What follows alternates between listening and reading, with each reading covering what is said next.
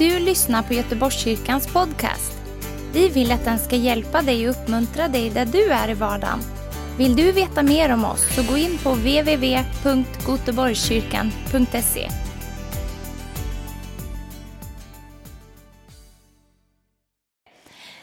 Vad roligt att vi är här idag. Är ni glada för det? Ja, härligt. Jag hade fått någon sån här, ni vet kristallhistoria när man, eh, kristallerna flyttar på sig. No to myself, gör inga volter på studsmattan eller på gräsmattan i min ålder. Jag har inte sagt det till Christian, men eh, dagen efter jag vaknade så snurrade hela rummet. Så det var väldigt svårt att ta sig hit förra söndagen. Men jag är jätteglad att jag får predika idag, för det här känns ännu bättre idag. Och jag hade inte kunnat göra det så bra som Christian förra veckan. Det var väldigt, väldigt bra. Vi har kommit fram till Romarbrevet kapitel 4. Det har varit lite introduktion om, det har varit om, eh, vi har börjat gå in på rättfärdighet i kapitel 3. Eh, vi har eh, läst lite om synden också. Men nu kommer du också in på lite lösningar. Det är fantastiskt. Min man, kanske många män här inne, är väldigt lösningsorienterad. Är det någon som känner igen det? Jag frågar fruarna. Det är en del som känner igen det, jag förstår. Eh, vi älskar ju, inte vi, men männen. Eh, nu, nej, nu blir det så här, män och kvinnor. Eh, jag ska inte göra några motsättningar nu. En del människor, yes, där satt den. En del människor älskar lösningar.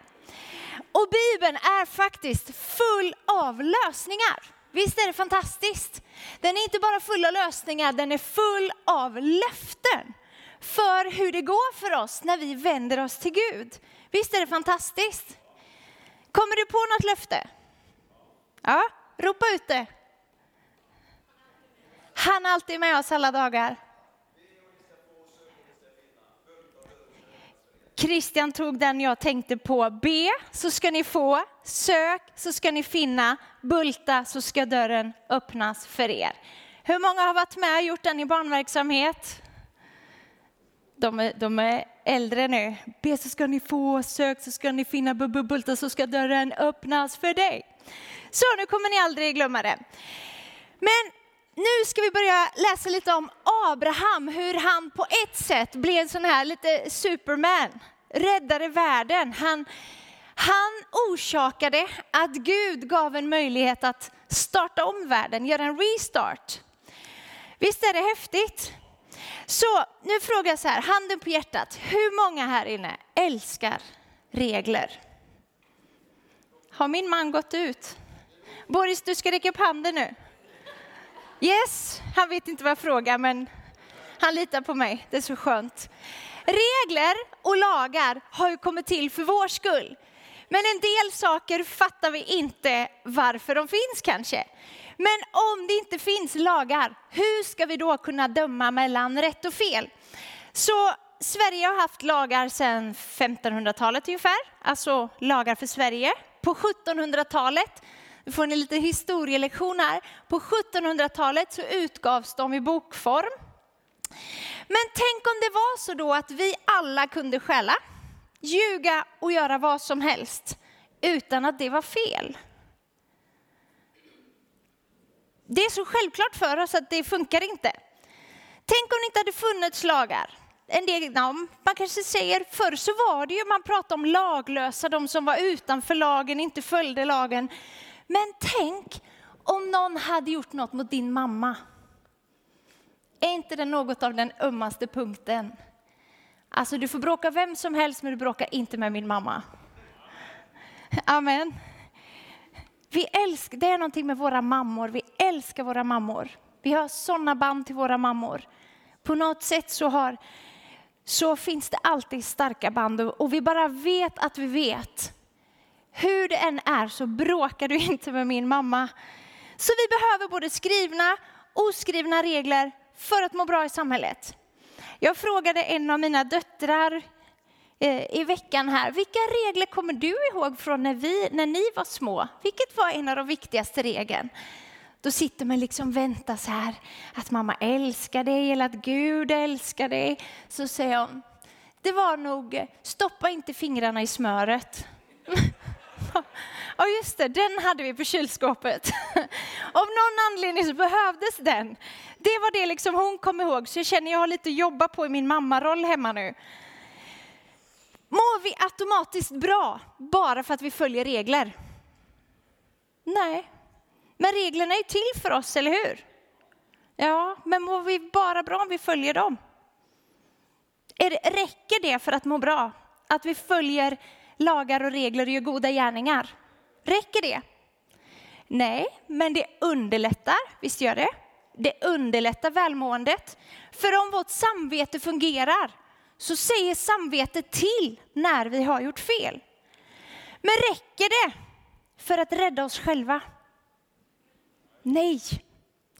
Jag är lite så här knäpp ibland. Jag älskar att googla på lite knäppa saker. Så nu googlade jag på världens knäppaste regler.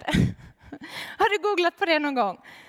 Eller världens knäppaste trafikregler googlade jag på också. Det var väldigt roligt vad som kom upp. Man får inte få soppatorsk på autobahn. Alltså bensinstopp. Bensinen får inte ta slut på tyska autobahn. Ni vet det är 180 eller någonting, jag vet inte vad det är för hastighet nu. En bra regel. Ja, blir jobbigt annars. I Samoa är det förbjudet att glömma sin frus födelsedag. Är det någon som känner att de behöver flytta dit? Inte jag alltså, inte jag. Det var inte handuppräckning från mig. Du får inte döpa din gris till Napoleon om du bor i Frankrike. Din gris. Alltså inte din, men om du har någon. Nu har du ju inte någon, vad jag vet. I Alabama är det förbjudet att köra med ögonbindel. Och sen kommer en som jag bara undrar hur i hela världen den här regeln kom till. Och vet ni vilket land den här gäller? Nej, faktiskt inte. Men ett närstående land. Och det var inte Norge, för det var inget skämt det här, det var på riktigt. Nej, förlåt, norrmän. Det, då var det Danmark. Så i Danmark, ja, ni vet allt som man googlar på det är ju inte sant. Så det kan vara viss modifikation här. Danskarna måste leta under bilen efter kvarglömda barn. Ja, gör ni det? Tittar ni alltid under bilen om det ligger några kvarglömda barn? I Luxemburg däremot, där måste man ha vindrutetorkare. Good to know, de är så smarta där, det är fantastiskt. Så nu vet vi några av världens knäppaste regler. Men här i finns det lite andra regler som förvandlar liv. Så nu ska vi backa tillbaka. Först 2000 år och så 2000 år till. Ni som har gått i skola vet att det blir 4000. Det var en gymnasielärare här som inte hade gått i skola. Han chansade på 5000 men han har nog inte fått i sig morgonkaffet än. Så vi backar 4000 år ungefär. Gud har startat om hela jorden med genom syndafloden Noa för att det var så mycket ondska i världen. Han, har, han lät Noa överleva, hans hustru, sönerna och deras hustrur. De kommer ut, de får som uppgift att befolka och, och, och bygga familjer. Så Noa och hans familj tillsammans med djuren är de enda överlevande. Noas söner, de förökar sig, sprider sig över jorden. Hela jorden har ett och samma språk. Människan, strax därefter, så kommer människan på att de ska bygga ett högt torn som heter Babels torn. Det känner vi igen. Man ska bygga en stad runt dig också, kommer de på. För att de var rädda att bli splittrade. De ville bevara liksom enheten. De ville också liksom få ett riktigt högt skryttorn. Det skulle nå ända upp till himlen. Så de började att bränna tegel och bygga med. Säkert putsade de på den fina, fina fasaden. Den blir väldigt vacker. De är väldigt stolt över den. De beundrar sin enighet. Men det blir ett högmod. Men Gud bestämmer sig för att gå ner och titta på den. Det står att han går ner och tittar. De ville, vara försäkra, de ville försäkra sig om att de skulle få vara tillsammans och vara mäktiga. Och Gud såg deras högmod och längtan efter att få skapa makt och inflytande. Men det här upproret mot Gud, det var inte någonting som behagade Gud. Gud tyckte inte om den här kaxigheten. Så Gud kliver ner och tittar på hur det ser ut och han fördömer det. Han lägger en dom över det och domen blir också att han sprider ut folk över hela jorden. Han ger dem nya språk att tala så att de inte kan bevara den här enheten. Efter det, att de inte liksom kan bygga någonting kring sig själva, att de inte behöver Gud. Eh, så här har vi ett läge där Gud, liksom, ni kan förstå att vara Gud, att precis ha startat om jorden, liksom, som du startar om en dator. Du, ni som kan dataspråk, man formaterar om den, liksom, tömmer på gammalt skräp och nu är den ny och fräsch. Ändå så bestämmer sig människan för att vända sig bort från Gud. Så vad gör då Gud? Han kan ju liksom inte starta om jorden en gång till. Så istället för att utplåna mänskligheten så letar han efter någon med rätt hjärta. Och det är här Abraham, Abram, han har inte fått sitt nya namn än, det är här han kommer in i bilden. Så istället för att förgöra hela mänskligheten, alltså utplåna dem för synd, så får Gud tag i Abraham. Abram ska jag vara noga med att säga nu. Abraham får ett löfte om att bli stamfader till Guds eget folk, judarna, och bli bärare av Guds ord och uppenbarelse. Så när Gud möter honom och talar till honom så kallar honom också. Så vi ska titta i första Mosebok. Vi kommer till romabrevet, var inte orolig. Nu tänker ni det där evangelistiska, någon redan tappat bort sig. Men jag har koll, jag lovar, även om det inte verkar så. 15 och 6, första Mosebok 15 och 6. Så står det, 15 och 5 tar vi. Sedan förde han honom ut och sa, se upp mot himlen och räkna stjärnorna, om du kan räkna dem. Och han sa till honom, så ska din avkomma bli. Det är alltså Gud som talar till Abraham. Och Abraham trodde på Herren och han, alltså Gud, räknade honom, Abraham, det till rättfärdighet. Så tron som Abraham hade räknade honom, tillräknades honom. Så det gjorde att han tillräknades rättfärdighet.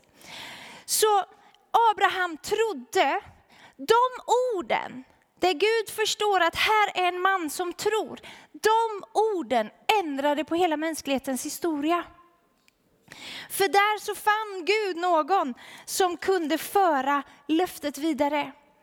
Vi går fram två kapitel till kapitel 17, fortfarande första Mosebok, vers 3.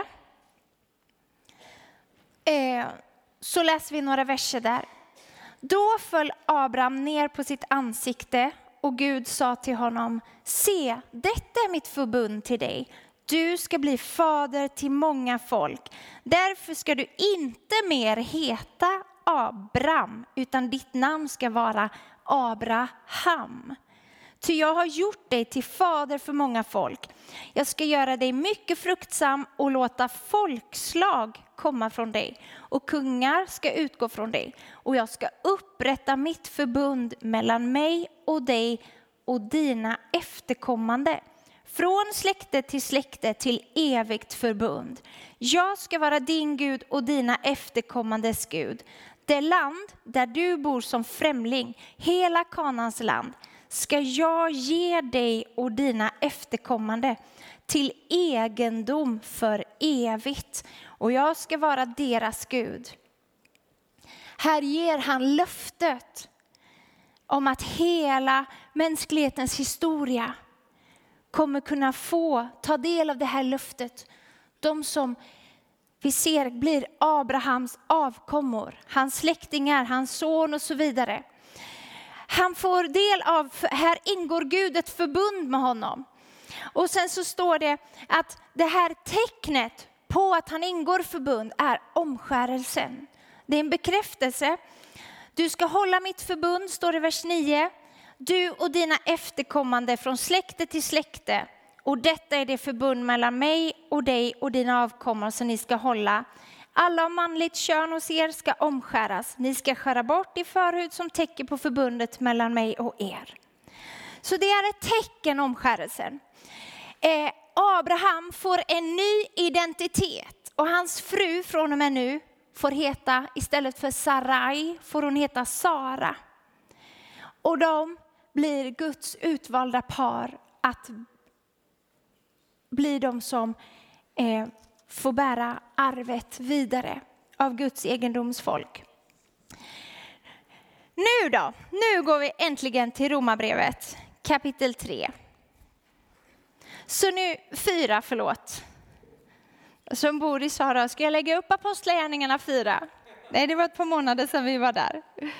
Så Romarbrevet är vi, kapitel 4, vers 1. Vad kan vi nu säga om vår stamfader Abraham har vunnit genom... Vänta, nu går det för snabbt. Vad kan vi nu säga att vår stamfader Abraham har vunnit genom gärningar? Om Abraham förklarades rättfärdig på grund av gärningar, då har han något att berömma sig av, men inte av Gud. Ty vad säger skriften, alltså Bibeln, Guds ord? Abraham trodde och det räknades honom till rättfärdighet.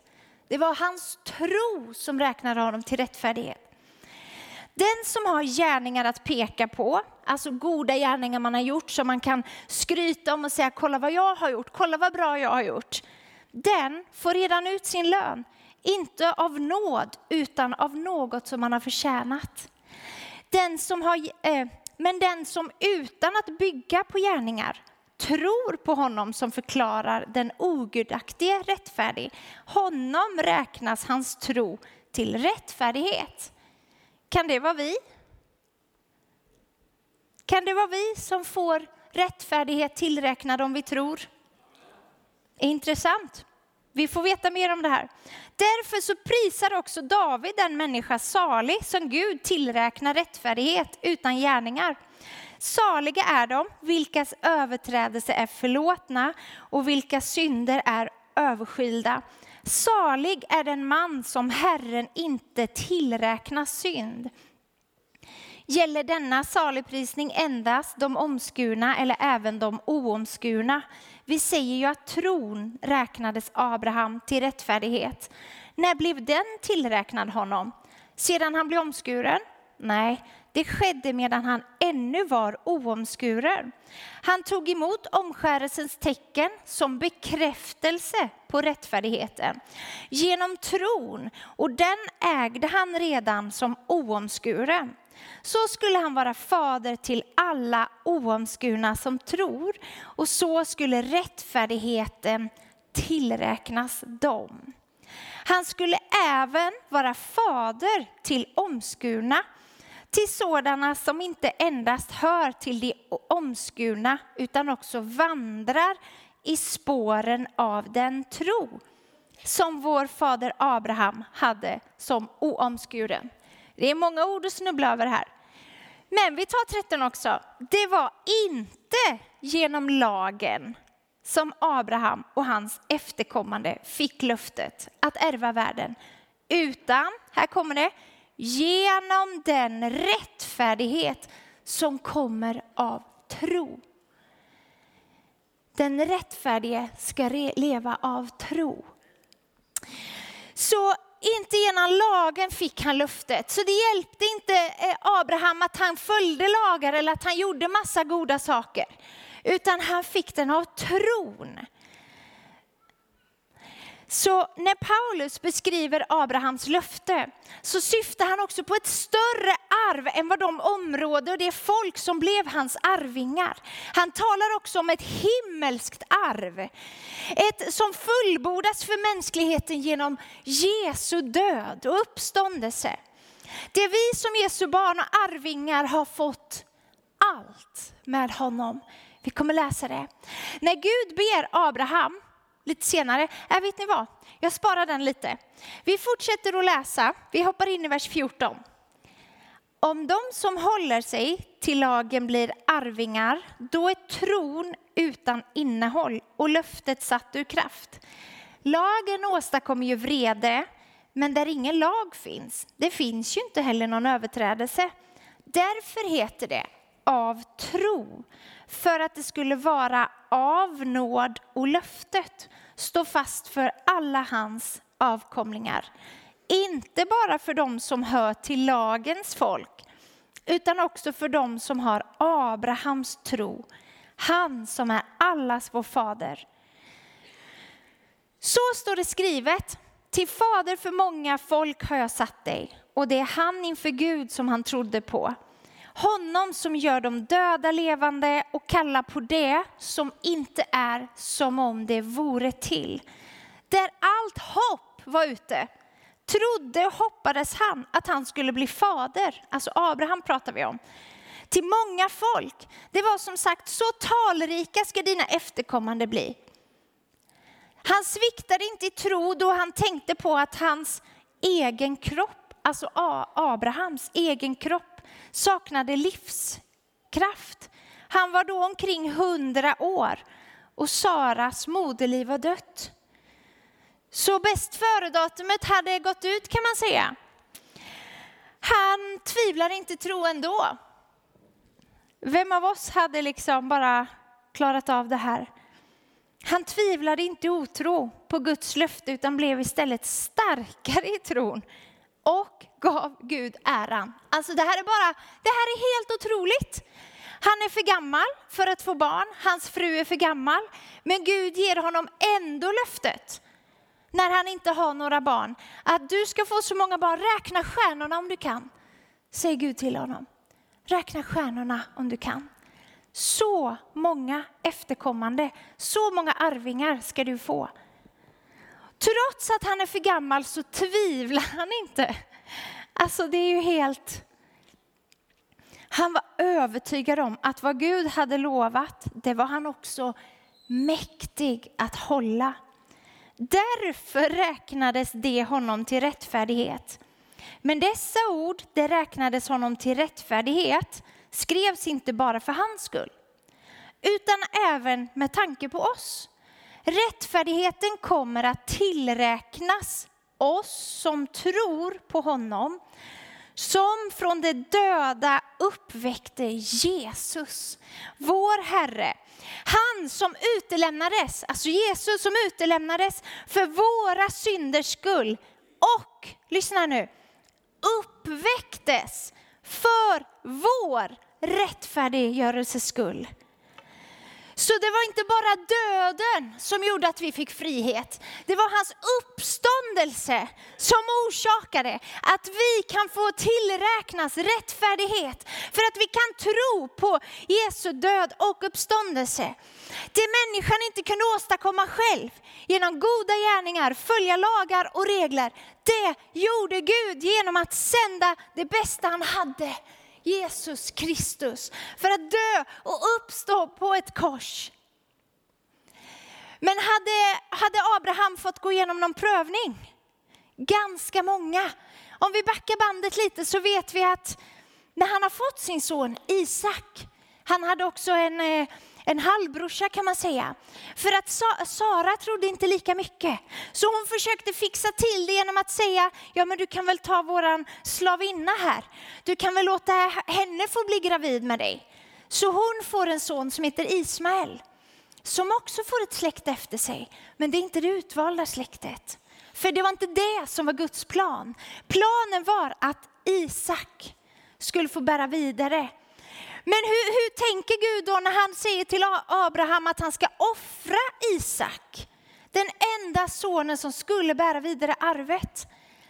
Så när de i tre dagar kämpar och, och han ska offras, så när han lyfter sin arm mot Isak så säger Gud stopp.